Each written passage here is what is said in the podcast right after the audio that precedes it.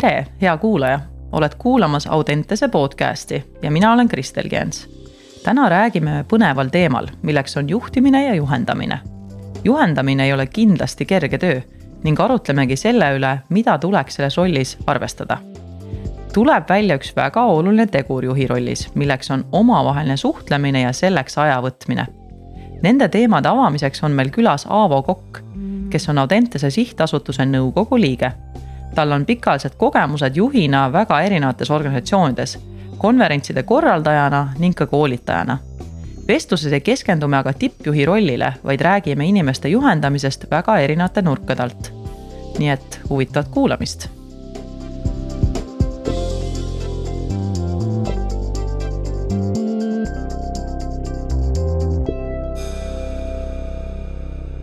tere, Aavo, tore on sind siin näha. tere, tore on siin olla et mina küll tean seda, kuidas sa oled Audentesega seotud, aga ega tegelikult me ei ole ju varem kohtunud ja ma hea meelega kuulaksin äh, sinu nii-öelda Audentese lugu, et kuidas sina meiega siis seotud oled? no Audentesel on selline väga põnev teekond. kunagi Tartus äh, Jannu ja Anu Reiljan, Tartu Ülikooli õppejõud asutasid kui eraõppeasutuse ülikooli kõrvalt, oma töö kõrvalt. Primex Mentor oli selle nimi ja mingil hetkel, järsku oli aasta üheksakümmend kolm, ostis selle ettevõtte ära Tart-, Eesti Hoiupank. tegi sellest Hoiupanga koolituskeskuse. ja ühel hetkel sai jälle pank aru, et noh, et ta ei ole koolitusäris ja müüs selle ära Fontesele. Tõnis Arro oli tookord, kes seda, seda ostis, ma mäletan eredalt, kuidas Olari Taal ja Ar-, Tõnis Arro pidasid hinnaläbirääkimisi ja siis eh, Taal lihtsalt vaikis nagu näiteks neli minutit jutti. kuni siis Arro oli siis sunnitud oma käigu tegema ja, ja, ja sellega muidugi Taal noh, tegi hea, hea diili. ja siis Fontes ühel hetkel kas väsis või tekkisid tal muud huvid ja siis tegelikult tekkis erakool, mille omanikeks asusid tookord ähm, Meerits ja Urmas Sõõrumaa ja Rain Lõhmus ja tookord oli veel ka Tiina Mõispundis ja Hannes Tammjärv, enne kui nad läksid siis ähm, Rocca al Mare kooli tegema. ja Tea Varrak oli see, kes tookord seda kooli siis äh, vedas. ma ei mäleta, kas siis üks või, või mitu last olid tal siis noored, igal juhul Teal oli nagu isiklik motivatsioon ka kooli teha ja siis see on samm-sammult kujunenud, kuni siis ühel hetkel oli spordigümnaasium või TSIK-i. siis ma ei tea siis, kuidas kutsuda, erastamine või, või, või mis. ja mul on olnud õnn tõesti nagu sealt algusest peale, sellest Primex mentori faasis ma küll ei olnud, aga Hoiupangas ma juba olin. nagu kogu aeg olla kaasas sellega. ja siis, kui mul teekonnad läksid mujale, siis tegelikult äh, Heldur Meerits oli põhiliselt see, kes ütles, et kuule Taavo, et ole hea, et järsku sa oled siin nõukogus siis edasi. ja nii ma olen olnud. ja nagu ma sissejuhatuses ka mainisin, et siis äh, sa oled olnud nii paljudes erinevates äh, keskkondades ja erinevates, äh, kui võib öelda, kogukondades. et äkki me alustaksimegi natukene sellest, et milliste kogukondadega sa hetkel seotud oled ja milliseid rolle sa seal mängid kindlasti nüüd see loetelu ei saa lõplik olema. et eh, kuidagiviisi jah, ma olen elanud elu, kus ma elan korraga mitut elu. et eh, jaa, ma olen eh, ühes ettevõttes juhataja, mille nimi on US Real Estate, mis põhimõtteliselt tähendab Urmas Sõõrumaa kogu kinnisvara arendust. see on siis üks minu perekondasid, ütleme nõnda ja Audentese kooli nõukogu, tegelikult õigupoolest ma olen Audentesega olnud seotud juba kakskümmend viis aastat veel enne, kui Audentes seda nime kandis. et päris alguses oli see asutis eh, Primex Mentor Tartus, siis sai temast Hoiupanga koolituskeskus ja siis ta on kulgenud edasi.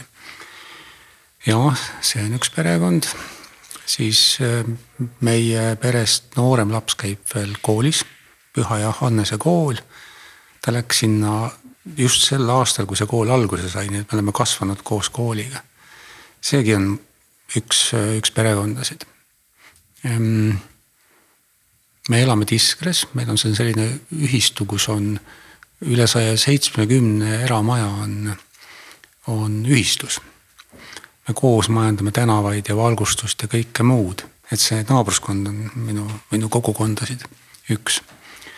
meie teine kodu on Kanepi vallas, kus jällegi meil on uus keskkond, nii et kui neid lugeda, ma õnneks ei ole ka kaotanud päris kõiki seoseid oma varasemate töökohtade ja sõpradega, nii et. nii et seda on üksjagu jah tundub, et äh, sellise huvitava elu juures, kus on nii palju erinevaid kogukondi ja sa nimetad neid nii huvitavalt perekondadeks. et äkki ähm, õpikski natuke selle kohta, et äh, mis sind nii paljude erinevate perekondade või kogukondadega seotuna hoiab.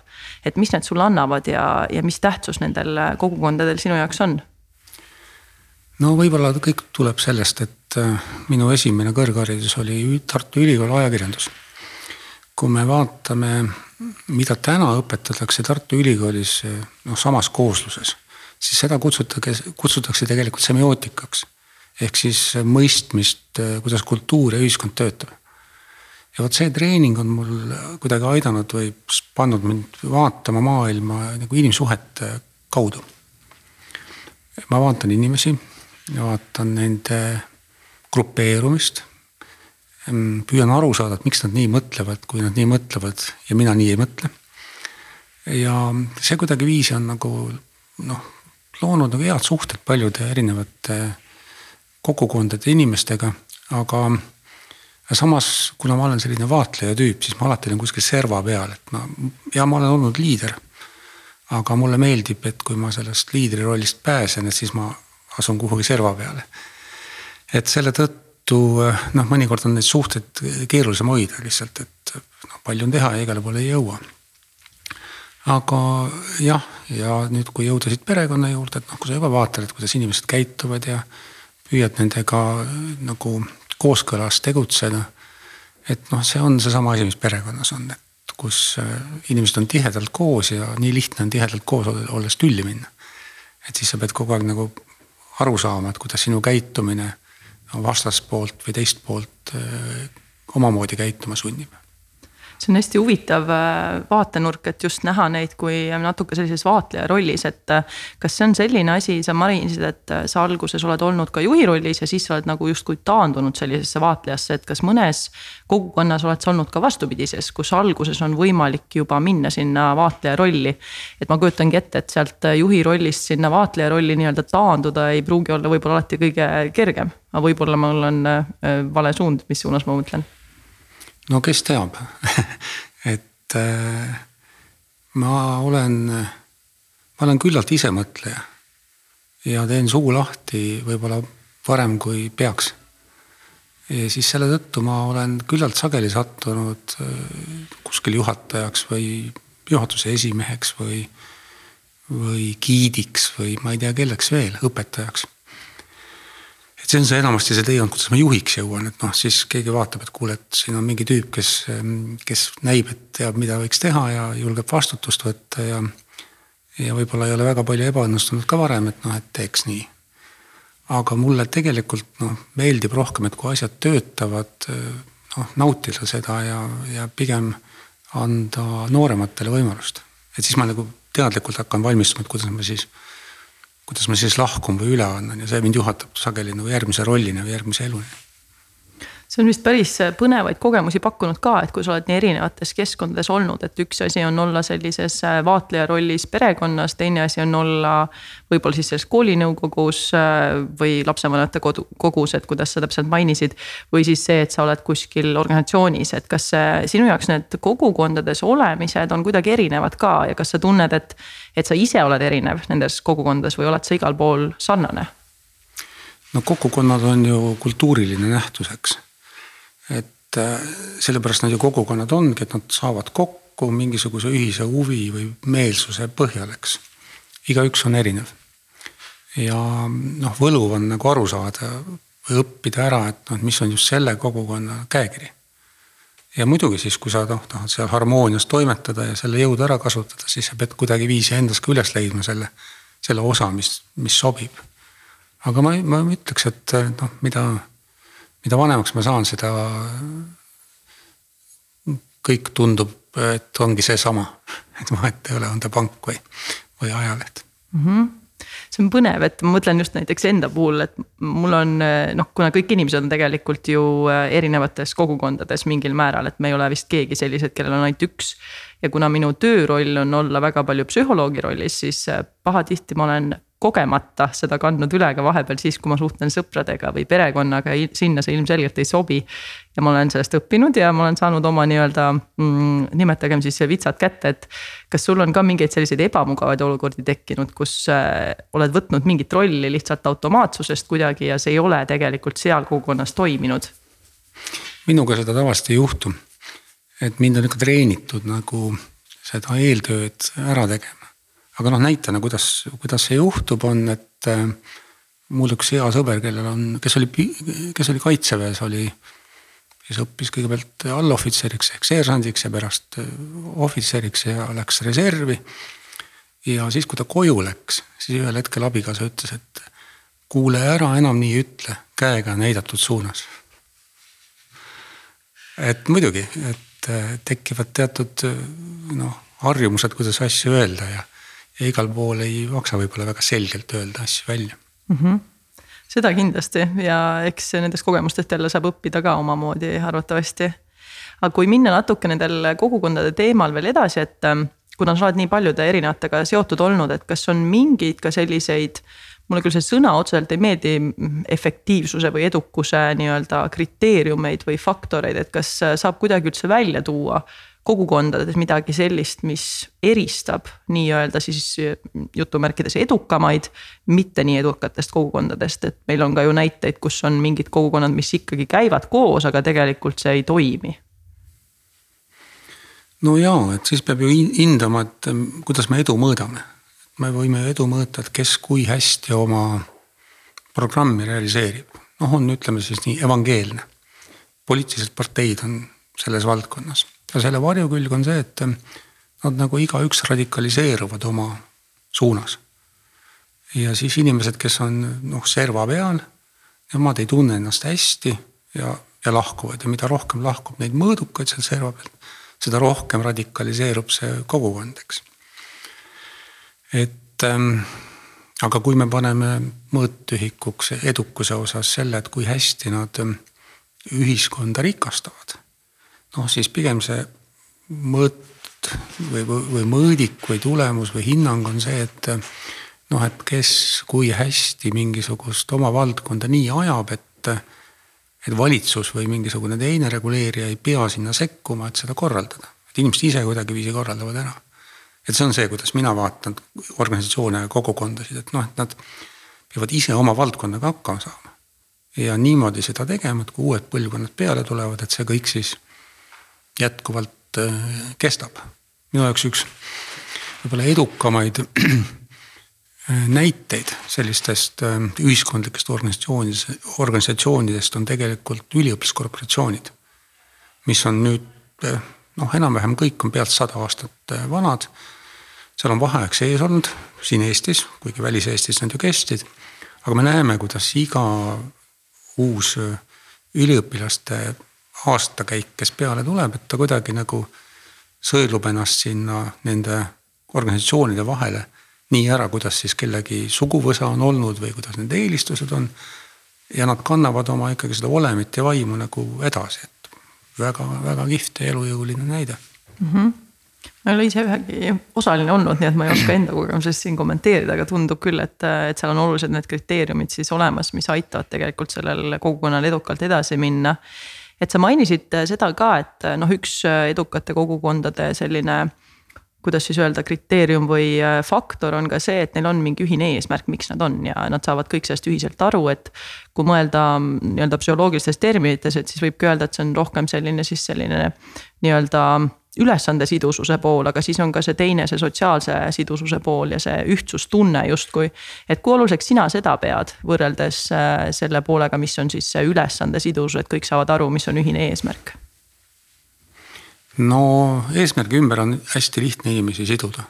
pead vähekene sütitama oma kõne ja, ja annad nagu sellise usutava selgituse e-, oma sihile ja kõik läheb. seda on palju raskem teha, et inimesed nagu tulevad lihtsalt kokku, on ja päris nagu ei olegi nagu sellist mõõdetavat eesmärki, aga nad kuidagi tunnevad, et nad ajavad õiget asja. ja eks see ongi selline nagu salapärane kunst, eks nagu, nagu seened, et mõnes kohas nad kasvavad ja teises kohas nad ei kasva ja saa sa aru siis, kuidas sellega on. eks need inimühendused on samasugused, mis, mis ei ole nagu formaalselt organiseeritud või mingisuguste väga kombatavate päevaülesannetega juhitud mm. -hmm ja ühes, kui minna selle sotsiaalsusega edasi, et vahetaks natukene seda teemasuunda, et ühes selles ähm, vestluses, mida ma kuulasin, enne kui ma sinuga selle kohtumise nüüd kokku leppisin, siis äh, ma ei mäleta nüüd täpselt, kes see saatejuht oli, aga oli ka juhtimise suunal oli see podcast tehtud sinuga. ja siis sa mainisid ka seda, et kuidas tegelikult äh, noh, on hästi oluline ka see suhtlemise pool ja selleks aja võtmine. Kui me räägime juhtimisest või juhendamisest ja äh, kui oluliseks sina seda pead, et seal sa mainisid hästi kihvtilt minu arust seda, et kuidas justkui äh, see ei ole veel kultuuri väga palju nagu süvenenud, et me peamegi võtma aega rääkimiseks ja suhtlemiseks, et äh, milline suhtlemisel ja selleks aja võtmisel roll on, kui puudutada kogukondi ja nende toimimist ja kõike seda poolt? no juhtimine ongi tegelikult inimestega rääkimine. Et ja, üks keerulisemaid, keerulisemaid asju, mis juhil on, seisneb selles, et noh, küllalt palju on selliseid nagu ülesandeid, mille mina võib-olla kogenuma inimesena teeksin palju kiiremini ära kui mõni minu kolleegidest, kes parasjagu selle peal on, sest tal lihtsalt on vähem aastaid ettevalmistust. aga see ei ole jätkusuutlik, eks, ma pean mm, nüüd looma olukorra, kus, kus tema teeb ja selle käigus õpib. Ma isegi pean looma olukorra, kus ta teeb vigu. ja, ja üles otsima need kohad või hetked, kus kus nende vigade tegemine ei ole organisatsioonile ohtlik. ja, ja siis ongi see, kuhu ma fookuse panen, et ma nagu suhtlen, ma räägin, arutlen, et ma kulutan kindlasti palju rohkem aega konkreetsele ülesandele, kui noh, mõistlik oleks tänast päeva silmas pidades. aga pikas vaates noh, tema teeb seda tööd tulevikus ja, ja loodetavasti palju paremini kui mina täna teen, eks. et sealt tuleb selline väga praktiline vajadus suhtlemise järele, aga noh, mis seal psühho, psühholoogia tausta, taustaga, inimestele ju meeldib, kui nendega räägitakse. väga meeldib. suurepärane, lähed küsid, kuule, räägi, mis sa teed. ma ei saa aru, juba, juba on tulemus saadud mm. -hmm ja siin, siin sa tõid ühe teise huvitava aspekti, et just see vigade tegemise võimaldamine. et see on ju tegelikult, ma ei tea, kuidas äh, sulle tundub, aga ma olen väga palju enda ümber näiteks märganud seda, et töötades spordimaailmas palju, spordipsühholoogias. siis äh, jube raske on äh, treeneritel tihtipeale, eriti kogenud treeneritel näidata välja, et ka nemad teevad vigu ja see on üks normaalne osa nii-öelda, et pigem on väga palju sellist kultuuri, kus ei tohiks justkui vigu teha. et äh, sa pead olema see kõiketeade ja sa saad ise hakkama ja noh, nagu, nagu sellest nii-öelda natuke sellest võib-olla vanakooli lähenemisest ka üle võetud, et. et kuidas sina sellesse suhtud, mis puudutab just sellist vigade tegemist, et ähm, kuidas neid vaadata, mis nurga alt vaadata? ma millalgi nagu keskkoolis õppides juba sain järsku aru, et, et sel hetkel, kui ma saan aru, et ma mingit asja ei oska, ma hakkan õppima. ja siis ma kuidagi hakkasin vaatama eksameid kui nagu õppeprotsessi, mitte kui, kui teadmiste kontrolli hetke. ja, ja selles suunas ma olen hästi palju edasi mõelnud. ja minu meelest on kõige suurem väljakutse õpetajatel, aga noh, kui nüüd, kui sa nüüd tõid selle treeneri näite, siis ma mõtlen, et noh, see peaks ju seal ka kehtima et ähm, õpetaja selline traditsiooniline roll või kuvand on see, et õpetaja teab paremini ja siis ta jagab seda teadmist noorematele inimestele edasi. nüüd, mis tänapäeval juhtub, on see, et äh, noored on internetist ühte-teist välja uurinud ja tulevad ja küsivad selle kohta ja sa ei oska vastust anda.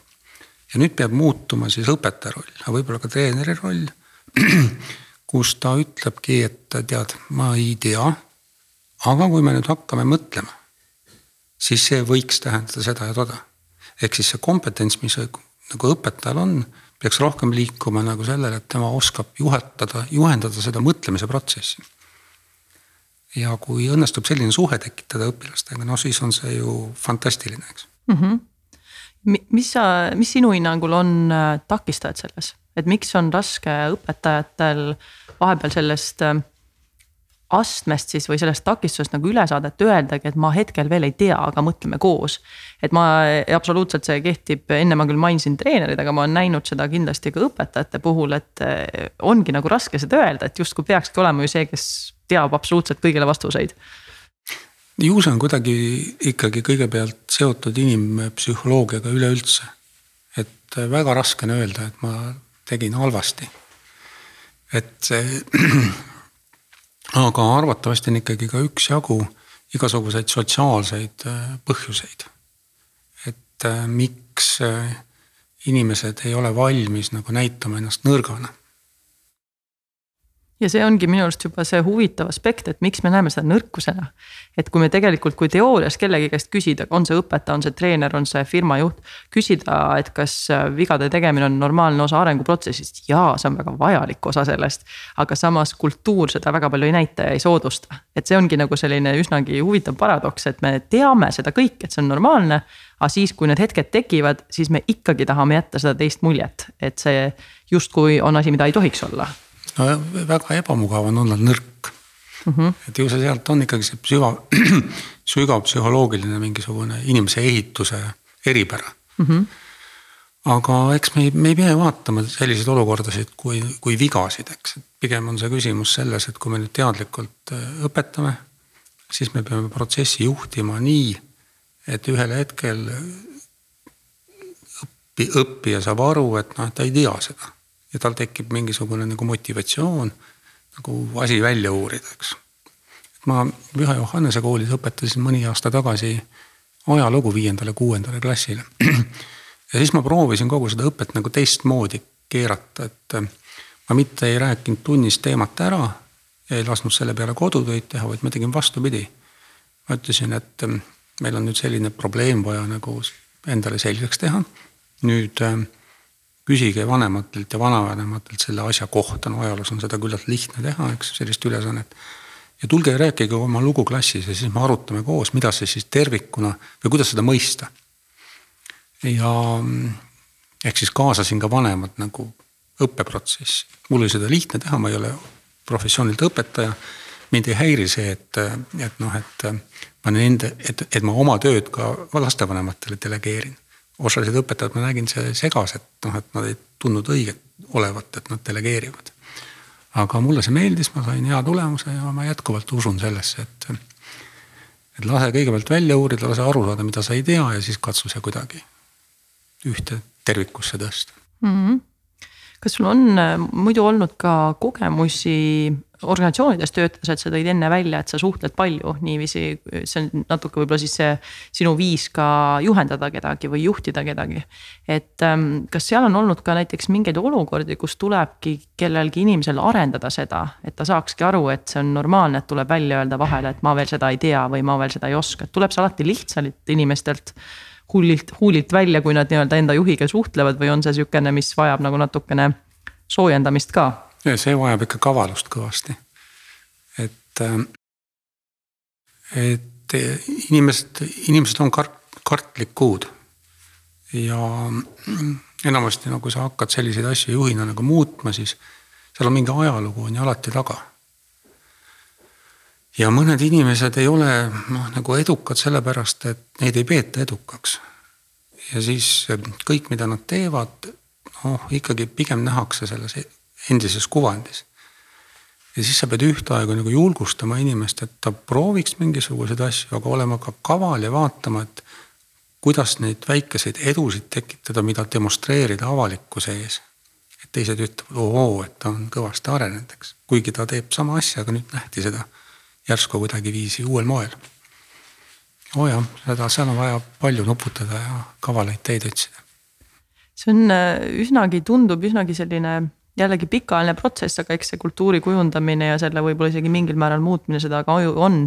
et see ei käigi kiiresti, et see on vist pigem selline iga päev väikeste tegevustena ja nende järjepideva Äh, praktiseerimisena versus see, et midagi ilusti korraks rääkida organisatsioonis, et vot nüüd meil on vigade tegemine normaalne asi ja nüüd maagilisel kombel see nii lähebki, et ega ta vist niiviisi ei käi. nojah, et, et omavahel öeldes ma pean sellist asja nagu ettevõtte väärtused nagu suureks jamaks. et noh, pannakse kirja ja öeldakse suured väärtused, eks, nii ei käi asjad kultuuri me mõistame siis, kui me mõtleme rahvuskultuurile, Eesti kultuurile, see ei ole midagi sellist, me leppisime kokku, et me oleme nüüd sellised, nii, nii ei käi asjad. meil on ühine ajalugu. Ja nende sündmuste käigus oleme me nagu välja sõelunud, mis on nagu, nagu soositud käitumine selles elulaadis ja missugune ei ole soositud käitumine. ja kui ma tahan nüüd kultuuri tekitada organisatsioonis, siis ma pean tekitama sündmuseid. Ja pean tekitama reljeefseid sündmuseid ja pean tekitama olukorra, kus nende suhtes võetakse seisukohtasid. et sellisel moel ma saan ehitada kultuuri. kultuur väljendub siis, kui keegi teeb midagi ja teine ilma igasuguse noh, nagu ma ei tea, juhi või kellegi suunisteta ütleb, kuule, see ei ole õige. siis on kultuur. kui proovida seda nüüd tõsta natukene ümber näiteks äh, klassiruumi või treeninggrupi konteksti või tuua näiteks mõni näide, et kas sedasama, mis sa just kirjeldasid, seda süsteemi, kuidas siis tegelikult kultuuri saaks luua või saaks nagu nii-öelda tekitada, et kas seda annab näiteks kuidagi õpetaja rollis või treeneri rollis ka mingite kindlate käitumistega kujundada. kui tahta mingisugust asja saada siis äh, omaseks selles äh, kliimas ja selles õpikliimas või siis treeningkliimas. Pole nii mõelnud, aga mulle tuleb kunagi meelde, ma küsisin Andres Liinatit. Andres ähm, oli siis pikka aega tuntud hotelliärimees ja hotellijuht ja siis Tartu Ülikooli kantsler. aga ta oli ka vanasti korvpallur. ja tema oli selline mees, kes oli suuteline viima oma tiimi võidule. ük-, kui lõpuni oli jäänud minut ja kaotusseis oli suur. siis ma küsisin Andresele, et kuule, mis sa siis nagu tegid, eks ja Andres nagu lõpuks nagu seletas, ütles, et noh, et ma lihtsalt äh, ütlesin, et me ei saa alla anda. noh, et vot see on nagu viis, eks ju, kuidas sa mu meelest nagu noh, mis mul nüüd meelde tuli või mõttesse tuli, et, et kuidas tegelikult äh, saab kultuuri luua, sest nüüd järgmine kord saab ju mõni teine mees ka öelda, et kuulge, et aga eelmine kord me ju panime, me ei saa alla anda nii ehitatakse kultuuri, eks, et sa, sa nagu sõnastad mingisuguse eesmärgi või asja, mis on keeruline. teed selle ära ja siis kõik tunnevad, et noh, nii toimiski, nüüd sa saad seda tuua nagu rollina ette ja, ja püüda korrata, eks tuli võib-olla praegu üks paralleel meelde ja, ja paranda mind, kui, kui see ei ole see, mis nagu selle nägemisega kokku läheb, aga. kas näiteks näide, et kui klassiruumis on äh, õpilane, kes ei saa oma ülesandega hästi hakkama ja teda näiteks küsitakse, kujutame ette. ja siis tulebki välja, et ta ei oska hetkel ja õpetaja selle asemel, et valida siis kedagi teist, läheb sellesama inimesega edasi. ja võib-olla kaasab ka kedagi teist näiteks nõuandjana, noh, kujutame ette, et klassis kedagi küsib, et kuidas sina teda aitaksid, on ju. ja siis nad omavahel seal suhtlevad, need kaks õpilast ja lõpuks see esimene õpilane siis saab asjast aru annab selle nii-öelda siis õige vastuse, eks ole, või loob siis selle lahenduskäigu õpetaja toob välja, et väga hea, et nüüd see nagu õnnestus, et äh, siis see ju tegelikult on ka näide sellest, kuidas näiteks toetada omavahelist koostööd, seda, et äh, vastustega tulebki pusida, et nii-öelda luuagi see võimalus, kus ta saab siis lõpuks selle edukogemuse kätte. ju on, muidugi kui õpetaja on lasknud asja nii kaugele, et ta teiste ees küsib kedagi, kes ei tea, siis on väga loll olukord. sest siis on õpilane on frustreeritud no teistel tekib mingi võimalus seal kuidagiviisi arvata selle kohta midagi. aga juhtub, muidugi juhtub, eks. et ähm, ma kunagi käisin Singapuris vaatamas ühte uut ülikooli, mille olid teinud siis Singapuri Rahvusülikool ja Duke Medical, Medical College. mis on Ameerika kõige kõvem meditsiiniülikool üldse. ja seal siis ameeriklane, kes seda programmi tegi ütles, et nende eesmärk on viia nagu see teooria õppimine kahelt aastalt ühele aastale. ja see klassiruum nägi nii välja, et seal oli siis kakssada tudengit. ja neile kõigepealt anti sellised mahakraapimisega või lahtikraapimisega valikülesanded. igaüks tegi seda individuaalselt. siis, kui need olid tehtud, need korjati masinasse, masin sortis selle järel kogu seltskonna sellistesse viie-kuuelistesse rühmadesse. Kusjuures sortis niimoodi, et samasse rühma pandi inimesed, kes olid andnud erinevad vastused. ja siis kaks professorit, kes seal toimetasid, need siis ähm, lasid gruppidel arutada, mis on õige. ja tekitasid arutelu siis kõndides ringi ja kuulates, mis seal nagu on. ja tulemus oli see, et väljalangevus vähenes kordades. ja, ja põhjus seisnes selles, et kui muidu seda meditsiiniteooriat õppides noh, õpitakse ära see kont ja too kont ja see luu ja mis muud, see nagu nähtus ja see tagajärg ja nii edasi. siis sa pead nagu jõudma nagu küllalt paljude asjade nagu meeldejätmiseni, et sul hakkaks seosed tekkima, mille kaudu meelde jätta. aga kui sul on arutelu ja sul jäi meelde, et John selles rühmas ütles niimoodi, see oli õige, siis sul on nagu selline lisakonks, mille külge oma mälutükikene riputada. ja ses mõttes on nagu õpetamises alati diskussioon või sihuke see, keskkonna kasutamine veel nagu meeldejätmise vahendina nagu üliülioluline ja nüüd tuleb mängu jah, õpetaja oskus, kuidas ta oskab siis nagu need paarid või rühmad nii tekitada, et, et see arutelu kära ei hakkaks naaberklassi segama mm. -hmm ja eks see juhendamise roll ja juhendavas rollis olemine ongi mingil määral ka ju siis äh, nendele vastutuse andmine ja nendele nagu rohkem seda autonoomsust pakkuda, et nad ise saavad seda arenguprotsessi ja õppeprotsessi juhtida, selles kaasas olla mis jällegi ei pruugi alati olla kõige kergem, sest äh, võib ju osadel olla endiselt selline tunne, et ma justkui peaksin ju kogu aeg ise olema see, kes nagu juhib ja pakub ja räägib lahendusi ja õpetab nii-öelda läbi selle, et. eks ta on jälle selline asi, mis vajab natukene ümbermõtlemist mingil määral. aga kui siit äh, minnagi edasi selle mm, ühe olulise tüki juurde veel, mida ma äh, tahtsin väga sinuga rääkida täna kui sellest eelmisest mõttest nüüd lähtuda, et siis äh, mingil määral on ju ka nagu kontrollist lahti laskmine, et kontrolli ka natukene ära anda. selles olukorras, kui sa oled nii-öelda juhendaja või juht.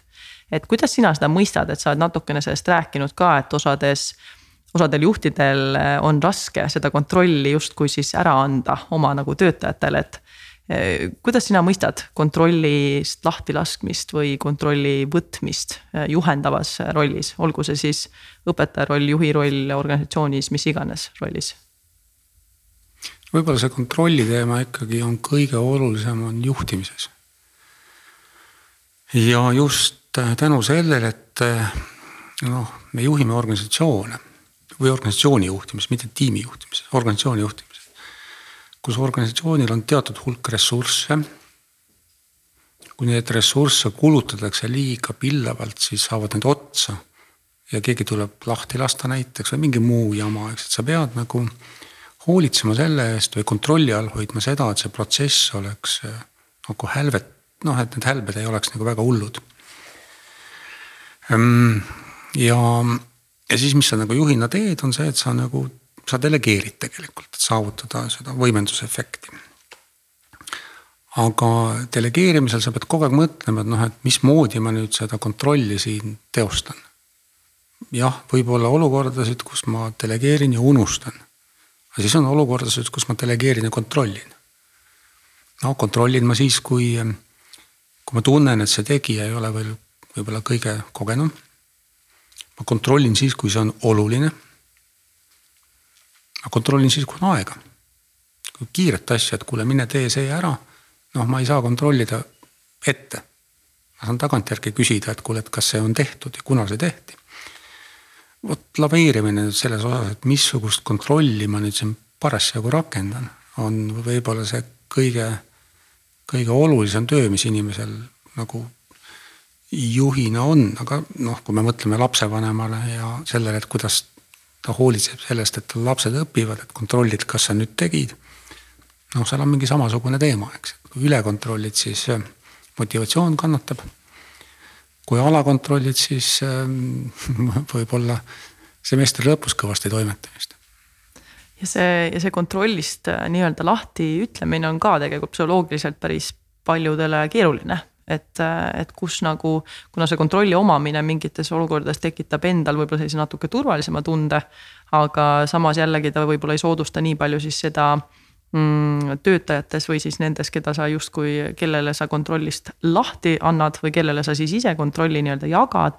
Neil tegelikult on siis ju rohkem ka innovaatilisuse võimalusi, rohkem ise luua midagi, rohkem võib-olla areneda ka, et.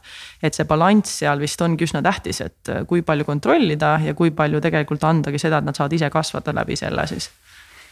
no muidugi jah, et ega kontrollist lahti laskmine ongi keeruline aga see, kuidas saab ennast treenida, on see, et sa näed erinevaid kontrolliviise.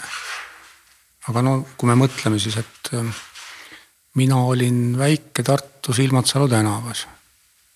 see, mis me tegime väljas ja kus me turnisime, no tänapäeval, tänapäeval vanela, vanemate nagu tolerants nii kaugele ei jõua kuidagiviisi, eks.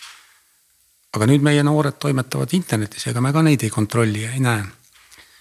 ja kuidagiviisi see, et et, et mind tookord ei kontrollitud ja ma sain ronida mööda aedasid ja redeleid. noh, on mind kujundanud selliseks, nagu ma olen.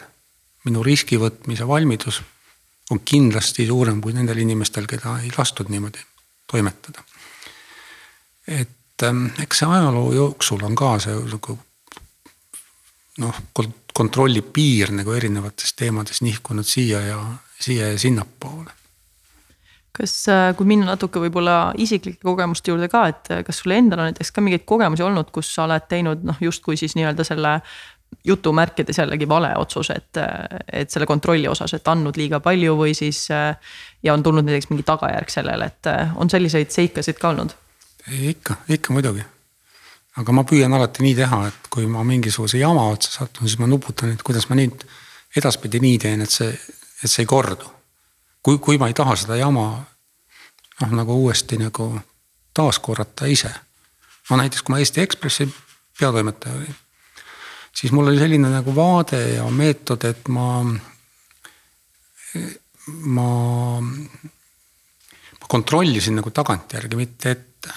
ja siis ma kolleegidele seletasin, et vaadake, et noh, et ajakirjanike juhtimine on nagu noore koeraga jalutamine et kui noor koer läheb nagu valelt poolt posti, siis ei ole mõtet teda nagu tagasi tiirida. aga järgmise posti eel ma nagu tõmban selle keti lihtsalt lühemaks. ja tookord oli seda vaja sellepärast, et Eesti Ekspress on sellepärast edukas olnud, et ta on pöörane. ja kui sa nagu liiga palju kontrollid ette, siis sa teed sellise ajakirjanduse, mis on korrektne, aga mis on igav aga selle hind oli see, et mulle iga siis iga nädal helistati mitu korda ja väljendati selgelt oma teistsugust seisukohta selle osas, mis leht oli öelnud aga samas siis jällegi õppemoment jääks ära, noh, kui me ei lase nagu inimestel, keda me juhendame, üldse teha ise vigu ja eksidagi ja siis õppida ja tulla nagu sealt tagasi, et see on ka jälle hästi oluline aspekt selle juures. just. jah, need õppemomendid on tegelikult üldse selline asi ka, mis on väga vähe mm, vähe tähtsustatud võib-olla isegi, et tahaks justkui liikuda ilma nende õppemomentidega arengus edasi äh, õppemomentideta arengus edasi, aga tegelikult see ei olegi võimalik, et kui me tahame arengut näha, siis peavad ju olema need õppemomendid, mis ongi rasked ja tehaksegi vigu ja. Fail itakse või kuidas iganes keegi seda nimetada tahab, et see on ju tegelikult väga vajalik selleks, et areng toimuks. jah, aga kui minna Mm, minna siit ähm, natukene veel sellele arengulainele vigade tegemisel edasi, et äh, mis sa ise tunned enda elus, et mis on sinu puhul olnud sellised võib-olla olulisemad õppemomendid? mis äh, nagu sa enne ütlesid ka, et mis on teinud sind selliseks, nagu sa oled ja mis on võib-olla sulle midagi teekonnale kaasa andnud? no valikud ikkagi. minu esimene suur valik, mida ma tegin tõesti ise, oli see, et ma pärast kaheksandat klassi otsustasin Tartu teisest keskkoolist minna ära kuigi ma oleks võinud seal jätkata inglise keele eriklassis. minu valik oli minna Tartu Viiendasse keskkooli õppima keemia eriklassi. minu järgmine suur valik oli see, et, et ma ei läinud pärast seda õppima mitte reaalaineid, vaid läksin ajakirjandust õppima, humanitaariasse tagasi. minu suur valik oli ühel kaunil päeval. Tiit Matšulevitš oli see, kes oli meil õppejõud seal, hilisem poliitik ja suursaadik. Tiit tuli koridori peal vastu, küsis poisid, et ajaleht edasi. Postimeest nimetati tookord nii. et seal on vaja praktikant ja majandustoimetus.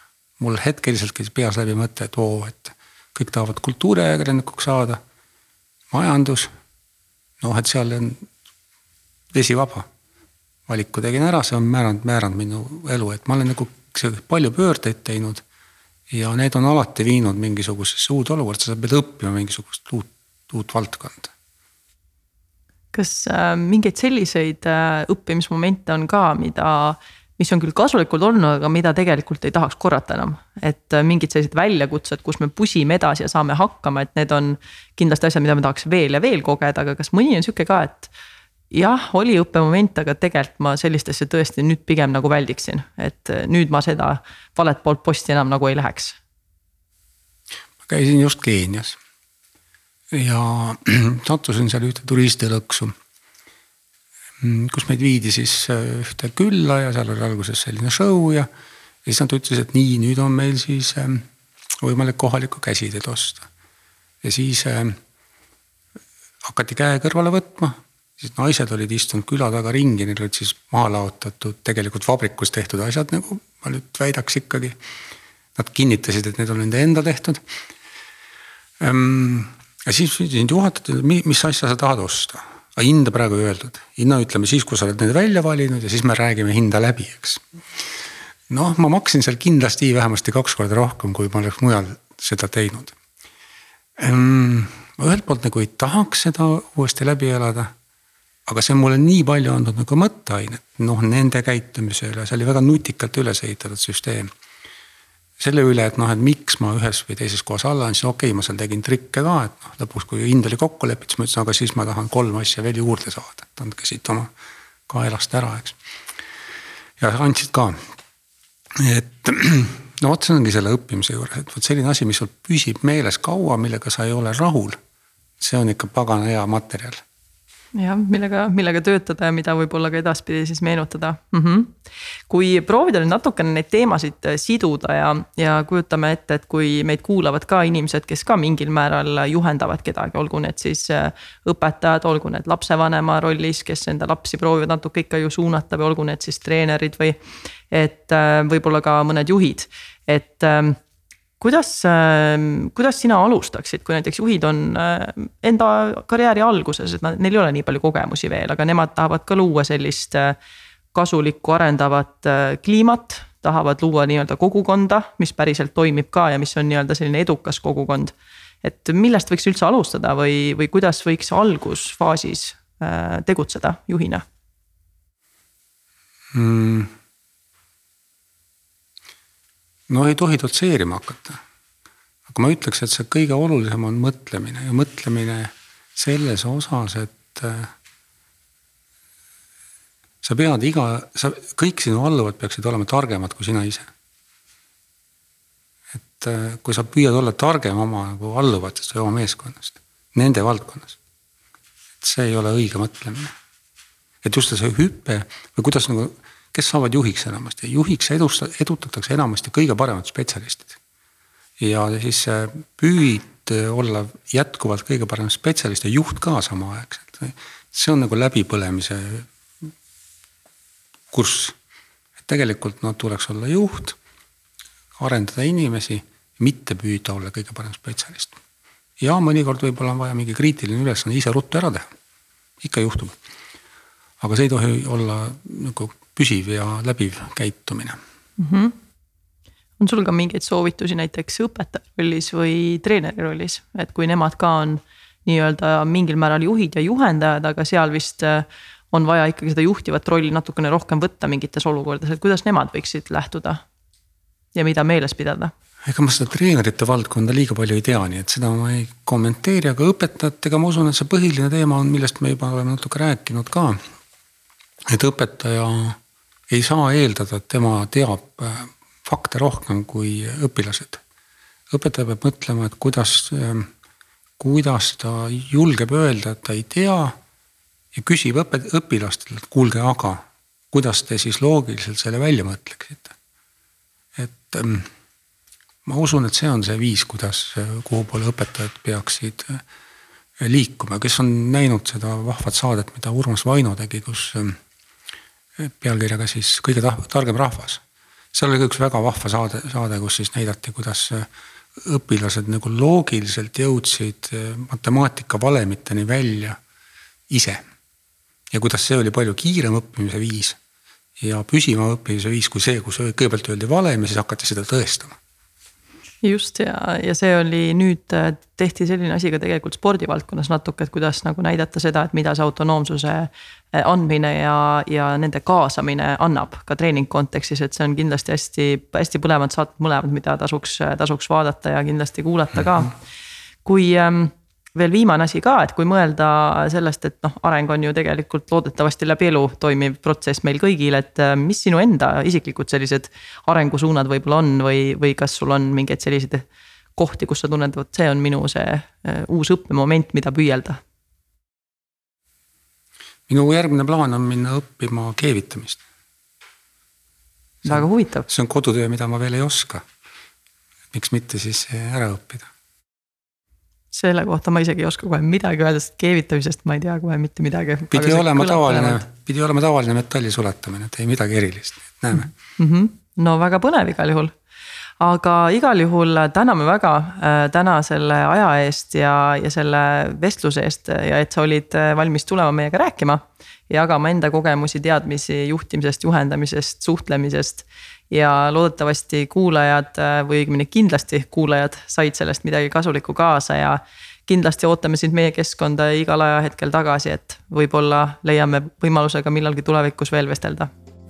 aitäh, tõesti oli vahva ja edu Audentesele. Aitäh täna on siis äh, selle vestlusega meil kõik, me loodame, et äh, saite midagi mõnusat endale mõtteaineks edasiseks kaasa ja edaspidi saate leida meie podcast'i kõikidest peamisest kohtadest, kus podcast'i tellida saab. ja kui te tellite, siis saate olla kursis ka meie edasiste podcast idega kohe, kui nad tulevad välja.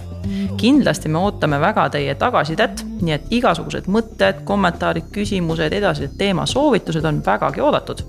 ja meil on Audenteses igasuguseid erinevaid tegevusi kogu aeg käsil, nii et sellega saate ennast kursis hoida, kui vaatate meie kodulehte audentes.ee olge mõnusad, avastage ja järgmiste vestlusteni